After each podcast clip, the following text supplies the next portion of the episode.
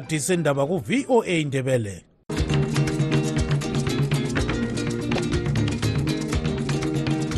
amatshono zihlobo siyalamukela kuhlelo lwethu lwezindaba eziphathelane lezimbabwe kustudio 7 eye voice of america sisakaza sisewashington dc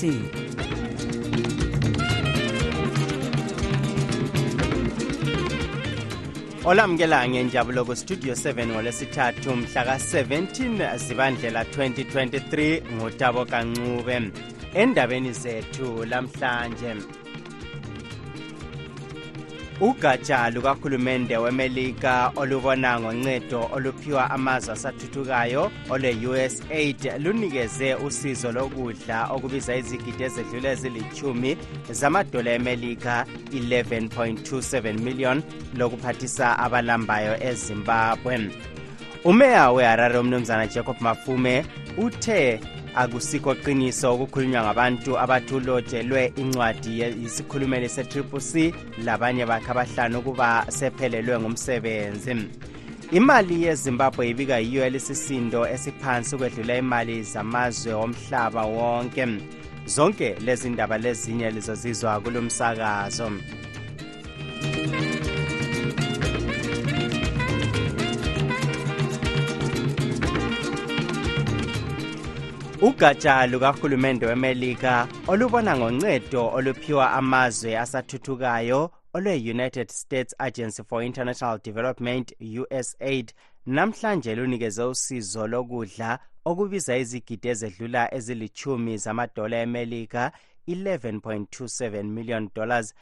phansi kohlelo lwenhlanganiso yomanyano wamazwe omhlaba e-world food program lokuphathisa labo abahlaselwe ludubo lwendlala ezimbabwe kubika umlondolozi ndlovu usizo lolu lubikwa luzaqondiswa ebantwini abangaba zinkulungwane ezingamakhulu edlula amabili 230 000 abasendaweni ezigoqela imwenezi mangwe buyera lezinye lolu sizo luzakwabelwa abantu kusukela ngozibandlela lonyaka kusiya kumbimbitho ekhuluma embuthanweni wokunikeza ukudla lokhu umholi we-usaid kuleli unkosazana jainin davis wazise ukuba ukudla lokhu kuzaphathisa ukwehlisa udubo lwendlala ezimbabwe ngiyathaba ukutsho ukuba sizakupha usizo olufika 11.27 million us dollars kuworld food program olusuka kuncedo lwabantu basemelika lokhu kugcizelwe ngumholi we-wfp ezimbabwe unkosikazi francesca elderman othi inhlanganiso yakhe izakwenza ukuba wonke umuntu kuleli athole ukudla areas within the districts uh, selection and a ranking of the wards ukhetha esikwenza abantu sisebenza lozulu wonke ukukhetha abantu esibancedisayo lokhu uh, sikwenza singakhethi cele kugwalo olwethulwe ngabezimbabwe vulnerability assessment committee zimvac abantu abafika isilinganiso samachumi edlula amabili lengxenye ekhulwini 26 percent emaphandleni bazabhekana lodubo lokuswela ukudla phakathi kukazibandlela kusiya kumbimbitho imali esuka ku-usaid izanceda i-wfp ukuba ilisane ledlala ngesikhathi abantu abayizigidi ezimbili lengxenye 2.7 million besengozini yokubulawa indlala kuleli imali esuka ku-usaid izanceda i-wfp ukuba ilwisane le ndlala ngesikhathi abantu abayizigidi ezimbili lengxenye 2.7 million besengozini yokubulawa indlala kuleli ngimele istudio 7 ngiseharare ngimlondolozi ndlovu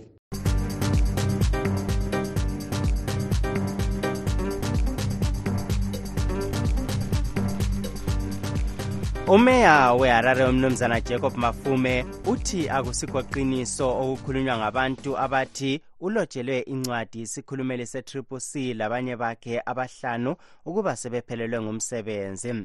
umafume usanda kukhethwa ukuba ngumeya weharare abanye okubikwa bexotshiswe libandla le-triplec elikhokhelwa ngumnumzana chamisa ngumsekeli kameya wedolobho lakobulawayo mnumzana edwin ndlovu usodolobho wemtare unkosikazi sofia kwasira lo msekeli wakhe umnumzana cloud nenkomasha kanye lo mnumzana stanley manyenga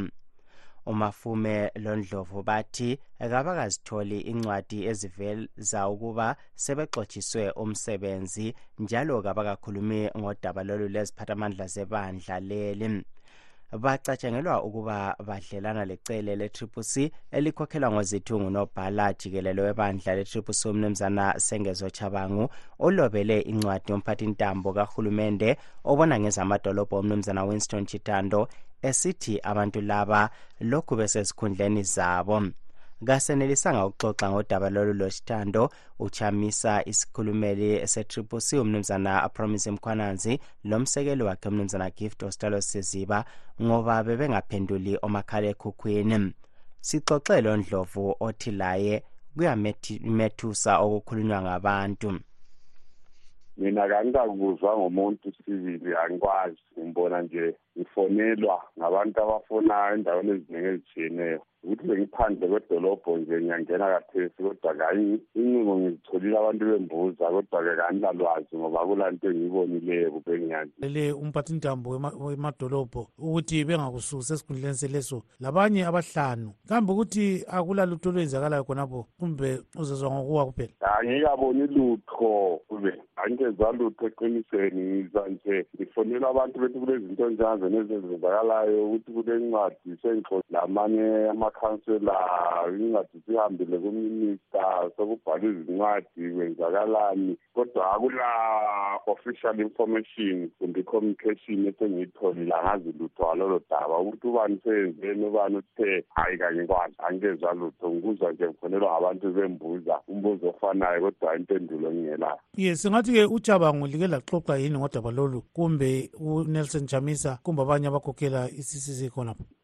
akula mkhokheli esengikhulume naye ngoba kungela mkhokheli ongilandileyo wangitshela ngalolo daba kuzaba ngcono nxa kulokukhokhela ofonayo engitshela ukuthi kulodaba olunje bese ngikhuluma laye sengimbuza engingambuza khona kodwa kathesi akula mkhokheli kumbe ilunga bebandla le-ccc eselingifonele kumbe langipha i-communication yalolo daba ye singathi kungenzakala khonokho ukubona ngazani kuyabe kusenzelwani ukuthi bakususe khonapho hayi angeke ngiye ngazi ukuthi kungenzeka kumbe kungenzeki ngingabe sengiprofitha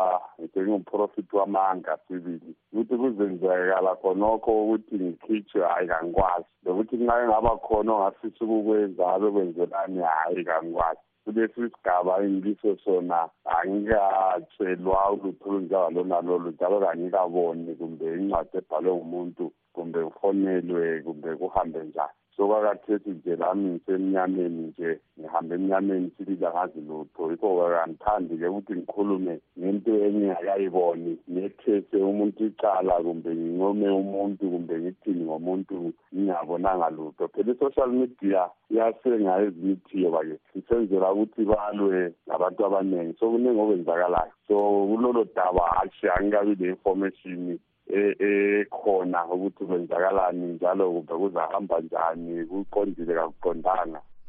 umnumzana edwin ndlovu ngumsekeli kameya wedolobho lakobulawayo ubexoxa logibbs dube owestudio 7 ekobulawayo siphinde saxoxa ngodaba lolu lo mnumzana sengezochabangu vele yonke i-communication iyenziwa ngunobhala jikelele so besesibonile ukuthi eh lezi zigqilamkhuba esithi thina ngama-criminals around the president nampa sesibathathele into ade sebeyithethe inhlanganiso eye-triple c bafuna ukuyenza eyabo sabathathela um basebebona ke ukuthi sebethathelwe um ngoba sesithethe iharare sesithethe i-victoria falls sesithethe imutare sesithethe ibulawayo the big cities ezimbabwe we are in charge we are in control the people of zimbabwe are in charge of these cities through i-triple c movement so abantu bazibusa kuzonezo izindawo laba ama-criminals sebehamba ngasese ngestrategy um eh, esokungena nyovane njengesigixathuvi um eh, sebehamba ukuthi bayekhipha abantu abasebenzayo how do you remove umuntu okhethwe kathesi wayenza iharare ingcono lalokhu ayifice iyikho khona izibi kasekho kathesi eharare kulekholera but nangu umuntu ufuna ukukhipha umeya ukwenzela ukuthi kube le-paralysis ukuthi abantu bafe ngendaba yekholera so yiwo ama-criminals yibo ke akuthiwa ngamasela ku-politician gqilamkhuba esasikhuluma ngazo kudala abantu sebekhona bebona kathesi ukuthi uchabangu lehofisi yakhe babekhuluma ukuthi kulama-criminals around the president yiwona lama-criminals esikhuluma ngawo ye kodwa liyazi ngani ukuthi uchamisa nguye oloma incwadi leyi labanye bakhe bayakuphika lokho laba abantu bafanana eh, labantu abaloya emini lebusuku they can kill they can eh, kill meaning not ngembhobho kill you political eh, in your name eh, laba abantu bayakwanisa ukuthi qamba amanga ngebizo lakho bayakwanisa ukuthi benze ukuganga ngebizo lakho ama-criminals baganga ngebizo likapresident chamisa and yikho esasikutsho ukuthi upresident chamisa eh, usurroundwe ngama-criminals eh, upresident chamisa akasela vision because ama-criminals ephekheni ivision yakhe upresident chamisa akasakwazi ukuthi enzeni ngani ngoba kasakwanisi lokuphefumula ngani ngoba ama-criminals lawa they around him so by one by one we are eliminating them and sithe upromise mkhwanazi upromise mkhwanazi um eh, um eh, um um akala authority eh, lake lakubona ngapho ukuthi umuntu o-actor on okuba ngu-spokesperson of the party whether you go in any organization umsebenzi wakhe is prescribed ku-constitution nxa kuyukuthi ngumuntu we-triple c kumbe kuyiphi yiphi organization yikukhulumela inhlanganiso uyakhipha njani abantu ephalamenti uyakhipha njani abantu ekhansilini eh, eh, eh, e, e, e, uyithatha ngaphi imandate yikuganga yibuchapha yingozi leyo efuna ukwenziwa ngama-criminals ngama lo ngumnumzana sengezwa chabanga ozithi ngunobhala jikelelo webandla le-triple c ubexoxa logibbs dube owestudio 7 ekobulawayo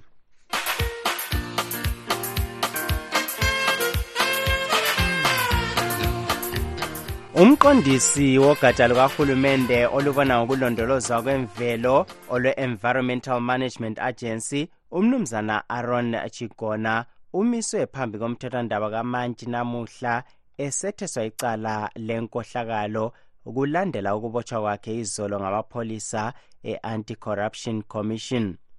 abatshutshisi batshele idale ukuthi uchigona wadala leli cala ngokupha inkampani yeborodel investments private limited incwadi yokusebenza i-environmental impact assessment certificate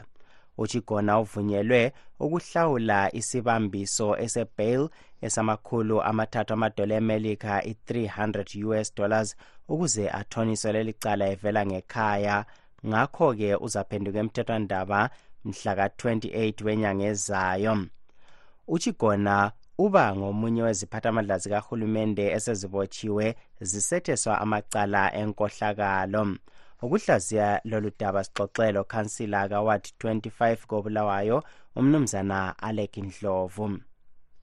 ngicabanga ukuthi umthetho wakithi kusamele uqiniswe umthetho kusamele ube lamazinyo sibilo awokuluma uhulumende kusamele akhuphule izinga lokuthi ama-law enforcement agent asebenze njengalokhu edeployiwe njengalokhu elomlando wokuthi umuntu owenza inkohlakala kabotshwe manje esikubonayo kwelakithi yilokho sokwaze kwabizwa ngokuthi yi-church and relief umuntu uyathi ebotshiwe yenze icala elisobala aphinde ayekelwe ngasese akusoze kwenze i-corruption iphele okokuqala kumele ukuthi vele thina abantu sibekwazi ukuthi ngezikhundla esiziphetheyo ikakhulu abantu abasebuholini lebukhokhelini kusamele sibekwazi ukuthi isimo sethu siba yisimo esilobuqotho lokuqonda lokuphatha umsebenzi kazulu ngokuqonda okuqondileyo kungasoze kusolakale umuntu abe setholakala kusase sephambulile impahla kazulu kumbe senze icala elinjalo kusamele umuntu ukuthi azihlolisise ubunguye bakhe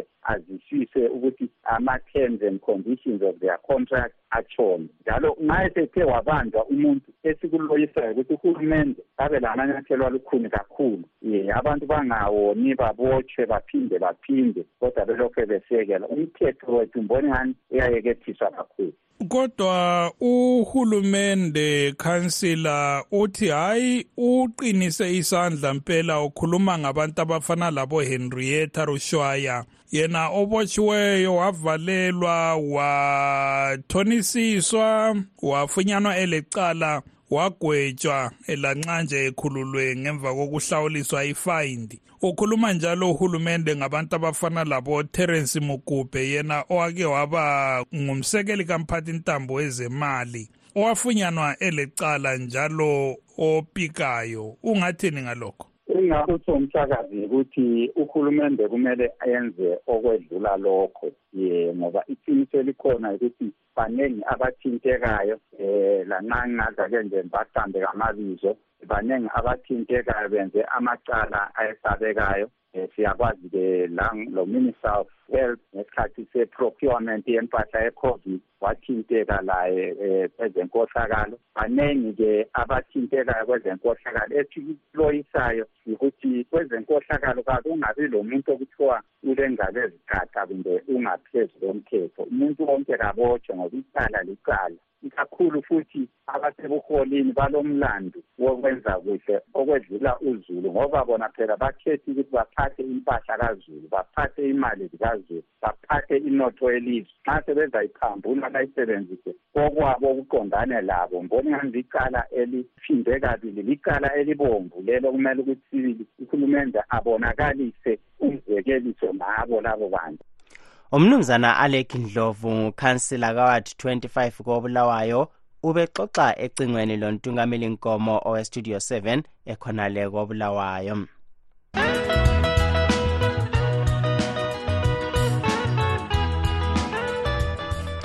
imali yezimbabwe ibikwa yiyo elesisindo esiphansi ukwedlula imali zamanye amazwe wonke omhlaba intengo yempahla ibikwa iqonga ngesilinganiso sokwedlula inkulungwane ekhulwini i-1072 percent kodwa uhulumende wezimbabwe yena uthi lesi silinganiso singamachumi amabili lasithupha ekhulwini i-26,5 percent lokhu kuphume embikweni owethulwe ingcwethi yezenotho emazweni omhlaba uprofesa steve hank ngeviki edluleyo oveza ukuthi idola lemelika elilodwa selithengwa ngenkulungwane ezedlula ezilitshumi zamadola ezimbabwe i-12500 zimdollars ukuhlaziya lolu daba sixoxa lengcwethi yezenotho njalo ekhokhela inhlanganiso emela amalungelo abathengi e-national consumer rights association umnumzana efincube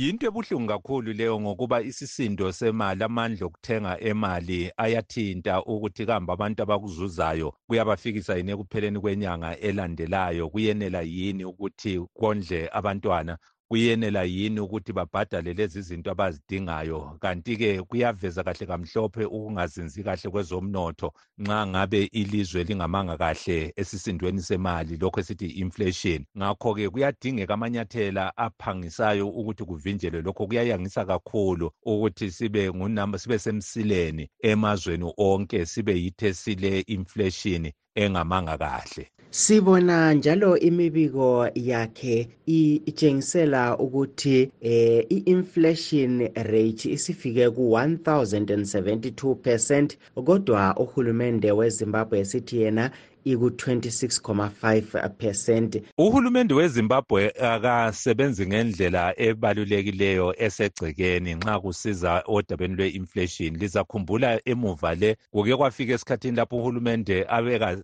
engasakhiphi khona lokho esithi ngama-figures izibalo ze-inflation ukuthi singaphi isingaphi okwenyanga ngenyanga okomnyaka lomnyaka kanjalo kwenze ukuthi-ke abantu bazenzele abantu abalolwazi njengohanke bakwenze khona lokhu ukuthi babale ngakho-ke kuyadingeka ukuthi kubale abantu abazimeleyo iqakathekile i-inflation ukuthi i-calculation yakhona ukubalwa kwayo kwenziwe ngabantu abazimeleyo abangasoze bafihle ukonakala abangasoze njalo baveze ukonakala okungekhoyo ngakho-ke kuyadingeka ukuthi i-independent body engasezikhetha uhlangothi engasoze ifuna ukuthabisa uhulumende engasoze ifake ama-figures athandwa nguhulumende kodwa ezafaka izinto njengoba zinjalo izibalo njengoba zinjalo ngoba phela la ma-figures la lezinombolo ziyasetshenziswa ngabafuna ukuzohlanyela imali ukuthi beze kumbe bangeze elizweni konke khona lokho kuyasiza nxa kuyabe kusenziwa ngabantu abazimeleyo ilizwe lingabe lilahleka njani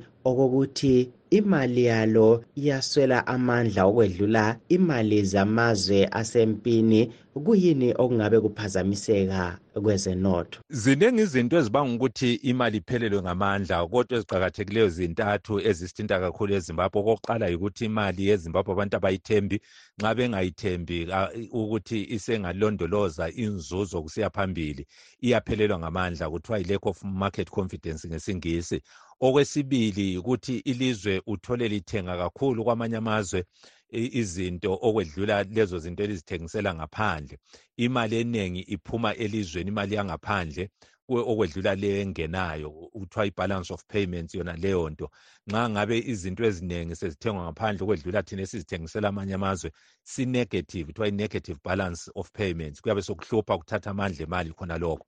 okunye okwesithathu yikuthi amazwe imali yamanye amazwe nxa isilela kusilela i-foreign currency kuyenza ukuthi imali lezo zibe lamandla okwedlula imali yalelo lizwe yiwaphi amanyathelo okufanele abe ethathwa nguhulumende ukuze alungisise lolu dubo into eqakathekileyo uhulumende adingakala ukuthi ayenze yikuthi alungisise ipolitiki nxa ingamanga kahle ipolitiki ezomnotho kazisoze zime kahle nxa zingamanga kahle ezomnotho imali yezimbabwe kayisoze iwazuza amandla lezo zinto ziqakatheke kakhulu kumele alungise ubudlelwane labanye amazwe kumele alungise indlela esithengisa ngakhona izinto kwamanye amazwe silezinto eziningi esizithengisela amanye amazwe ezingasilethela i-foreign currency kodwa iyebiwa leyo mali ngakho kuyadingeka ukuthi uhulumende alwisane le nkohlakalo ikakhulu kwezembiwayo kuyadingeka njalo ukuthi uhulumende avuselele i-industry ukuze phela sikwazi ukuthengisela amanye amazwe izinto eziningi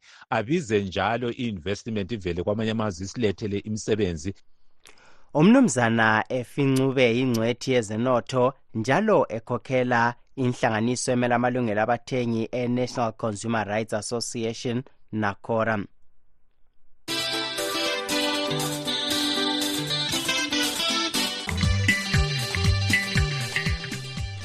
induna uchief abidi wematobo uthi uqhuba inhlelo esigabeni sakhe ezokuhlomisa abantu ngamakhono okuthi bezimele bengalindeli ukuholelwa njengenkukhu ngesikhathi kulendlala emhlubulweni wezansi ye-afrika okugoqela ezimbabwe lapho inengi elingatholi imisebenzi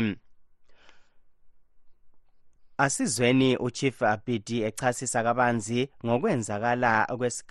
kwesakhe isigaba kungxoxo ayiqhubelo sithandekile mhlanga owestudio 7 indlala ikhona iningi kakhulu futhi silakho esikuzamayo lo hulumende laye usiphathisile anti uyabona ukuthi izulu lakathesi lingathi lithi gqagqa and isizini e, e, e, esiyakiyo izifuyo lazo ziyaphangisa kakhulu ukuthi zingene ku-drought but at least sokungathi izulu lingathi lithi gqagqa liyazama lohulumende laye uzamile ukuthi asinike inhlanyelo ekhona we are still trying to plead with them lama-partners abo usually siyaba lama-n g os asipartnayo in times like this but we hope ukuthi kuzalunga ye kukhona imizamo eba khona lapha lalapho but ayeneli ngesikeli sendlala esilaso siyabona njalo ukuthi njengenduna ususungule inhlelo zokuthuthukisa abantu esabelweni sakho zingaletha ububelo yini kusasa ukuthi abantu benelise ukuziphandela ye sizama ukuthi senze njalo ukuthi sibe lendlela zokuthi abantu bekwanisa ukuthi bezimele bebe lama-skills ezandla ukuthi bekwanisa kube le-economy nje thole i-information belime ngendlela e, e, ngoba e, indlela ziyatshintsha kadesi njengoba sibona ukuthi umkhathi uyatshintsha ungasichasisela ukuthi kahle kahle yiziphi lezi nhlelo iproject yethu esiyenza yi-multipurpose wall i-multipurpose complex izabe igoqela kuyabe kulesiphala senkosi kuyabe kule-computer lab kuyabe kulamahofisi awe-traditional leadership and then kube le-hall le eyabe ikhona yikho sisebenzela khona ama-vocational training zethu i-community yethu is largely abantu who migrate to south africa cha yilama-youth ikakhulu ukuthi bekwanise ukuthi bebe le-skill sokuthi noma usiye e-south africa ube ngumuntu okwaziyo ukubazi ube ngumuntu okwaziyo uplumbing or ube ngumuntu okwaziyo amagetsi lensuku sokuduma isola into ezifana lalezo lalaba abasalayo bazasincedisa njengesigaba njengoba ngikhulumela ukuthi sifuna ukuthi sizibambele kakhulu into eziningi bazasincedisa kakhulu ukuthi since ba sebecapacitated sebeleskill leso ama-development efforts ethu asoze need ukuthi si-outsource from outside but sibe le-skill base yethu esilayo in the locality or, eh, of the community njengoba ukhuluma ngesiphala senkosi sabona njalo inhlelo zentuthuko ezasungulwa nguchief dakamela wenkayi ungathi lazo zakunika inkuthazo yokuthi uqhube ezakho esingathi yi-inspiration ngesingisi kwanginika umdladla kakhulu ngoba ngithe ngikhangela kakhulu ngabona ukuthi i-ishu leyi eyesiphala senkosi ibisiyinto esikhona theoretically kodwa ingasekho practically so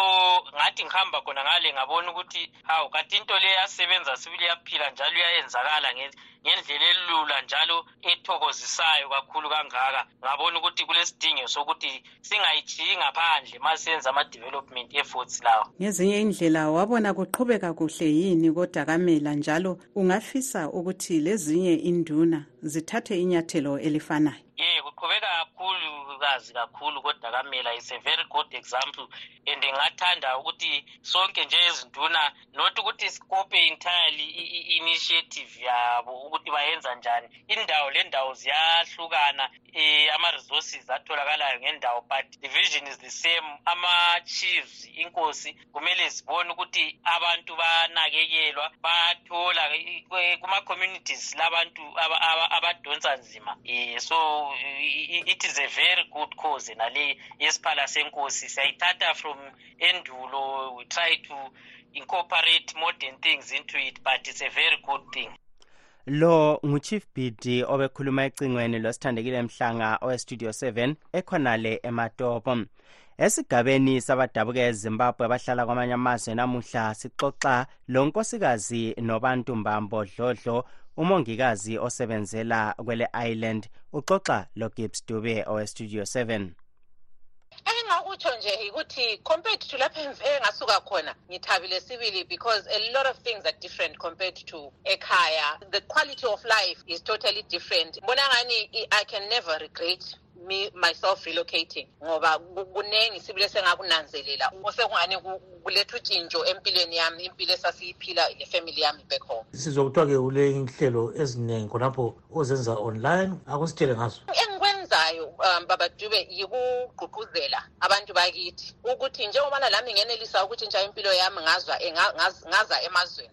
kungenzakala lakwabanye abantu ukuthi betshintshe impilo zabo bebuye emazweni ama-opportunities maningi kakhulu yikho esengakubonayo lokhu engabuyayo lapha yikuthi nje abantu kabatshelani kodwa ngathi sengikunanzelele konke khonokho ukuthi ama-opportunities maningi ngavula a social media um, page kufacebook laku-youtube lakhathi esengu-tiktok so lapha kuma-page zona lawa kuma-different platform zona lawa ngikhuluma nje ngama-opportunities i always say uh, ngama-diaspora opportunities so ngikhuluma noma yiphi opportunity as long as it's a legal opportunity engakuletha lapha emazweni wenelise ukusebenzela imuli yakho so i've noticed a lot of people's lives have changed lezi muli zabo abantu sebenelisile to relocate ngendlela engabe ngibancedisa ngakhona ngibatshela ngibazisa ukuthi kule nkampani enje eqhatshayo kulale inkampani efuna lokhu lalokhu abantu abaningi sebethole usizo kakhulu ye kulezi nsuku kulani ongabatshela ngakho ongabanceda lapha engikhona e-ireland kule nkampani e-health care assistant lamanye ama-programs awe-health care ebiqhatsha inkampani leyi ibizwa kuthiwa yinoa so it's a company eke yaqhatsha for a very long time sometime in 2022 yaqhatsha abantu abaningi babuya bevela abroad in africa so khathesi lakho ibe lesikhathi lapho ebiqhatsha khona from around august um up to uh, lakhathesi so abantu abaningi bagqugquzela khonokho and then kulamanye ama-opportunities lakanje awama-drivers ama-drivers nxa uvele ulama-qualifications afunakalayo um kulama-opportunities owokuthi bebuye bezosebenzela izimuli zabo emazweni and then i will also keep talking about abantu abokuthiwa ngama-professionals ama-professionals akhona aku-critical skills abayibo sibila ababakhangeleleyo ikakhulu ngodokotela ngonesi you know labanye nje abatshiyetshiyeneyo ama-physiotherapist and all kuvulekile kumele belungisise amaphepha abo lama-different um boards ama-professional boards abo unkosikazi nobuntu mbambu dlodlo udabuka kwelezimbabwe bexoxa logibbs dube westudio 7 ese-ireland silugqiba-ke lapha uhlelo lwethu lanamhlanje olivalelisayo ngudabuka ncube